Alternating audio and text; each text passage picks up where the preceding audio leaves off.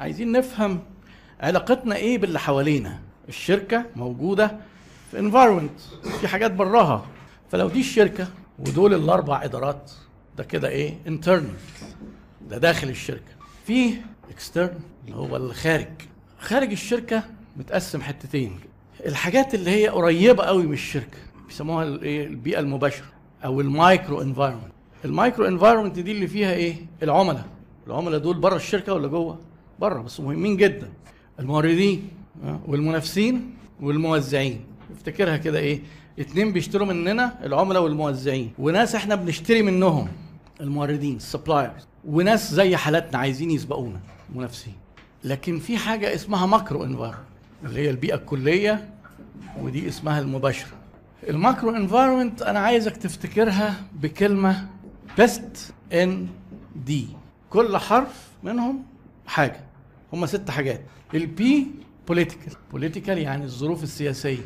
ال E economic ال S ال social ال T ال technology ال N اللي هي ال natural هنترجمهم كلهم. ال D اللي هي ال demographic اللي هي إيه؟ اللي هم إيه بقى؟ الظروف السياسية. طبعا هنتكلم عليها من وجهة نظر إيه؟ بتأثر إزاي على ال business مش سياسة بس ليها تأثير على ال business الاقتصاد بيأثر على ال business البيئة الاجتماعية والثقافة المجتمع والعادات بتاعة المجتمع بتأثر على ال business التكنولوجيا مش محتاجة ترجمة ال natural اللي هي البيئة الطبيعية. درجات الحرارة والأمطار والمناجم والموارد الطبيعية. عندنا صحاري عندنا زراعة عندنا شواطئ عندنا بترول عندنا ذهب والبيئة السكانية اللي هي إيه؟ demographic.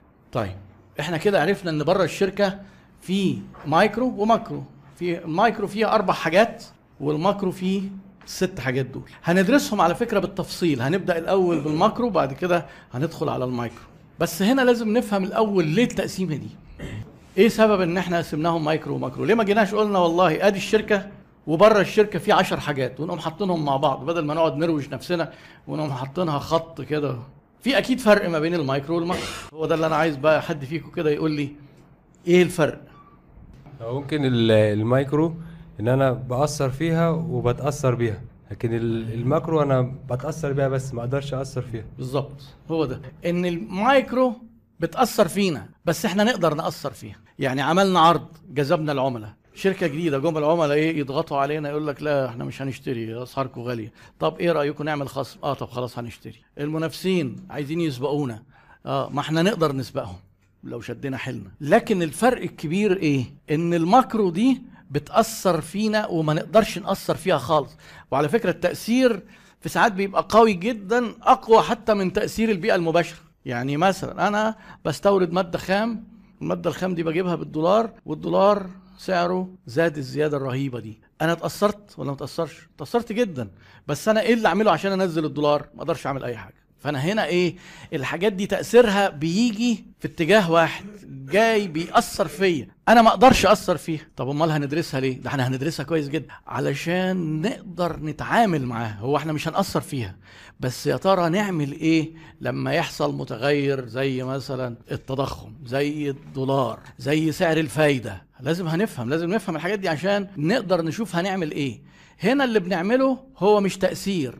بيسموها إيه؟ maneuvering عارفين maneuvering يعني إيه؟ maneuvering ده maneuver هو تعبير عسكري. يجي يقول لك والله إيه؟ طيار كده طاير لو أنت اتضرب عليك صاروخ ت maneuver هو اتضرب خلاص مش هتعرف توقفه. حاول ما يجيش فيك. فإحنا بنناور. مش كل الحاجات اللي بره سيئة ومش كل التأثيرات سيئة لأن ممكن أنت بره تبص تلاقي إيه؟ تأثير حصل يشكل فرصة. إحنا كنا بنصنع مثلا ملابس وجم قاموا قافلين استيراد الملابس. آه ده حاجة جميلة. كويس. يبقى جات لنا حاجة من بره كده أهو شكلت فرصة. اللي كانوا بينافسونا بالاستيراد هم اللي إيه؟ هم هيعملوا بقى maneuvering إحنا بقى لازم نستغل الفرصة دي كويس جدا لأن ممكن الظروف تتغير بعد شوية. فإحنا هندرس البيئة الداخلية زي ما درسنا الداخلية هندرس المايكرو هندرس ال macro علشان نشوف إزاي نتعامل مع الاتنين. هنا هنقدر نأثر.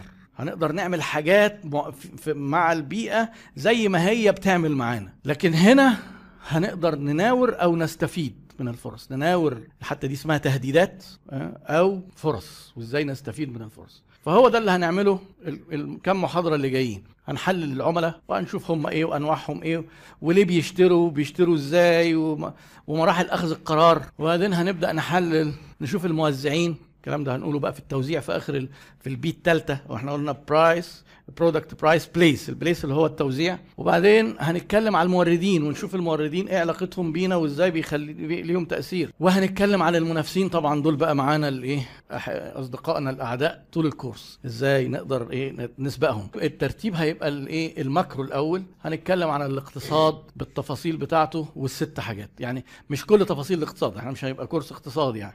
بس هياخد مننا وقت محترم. آه، عشان نفهم المتغيرات الاقتصادية دي هي إيه وبتأثر علينا في إيه. آه، ده هيبقى مهم خصوصا مع التقلبات الاقتصادية اللي بيمر بيها المنطقة والبلد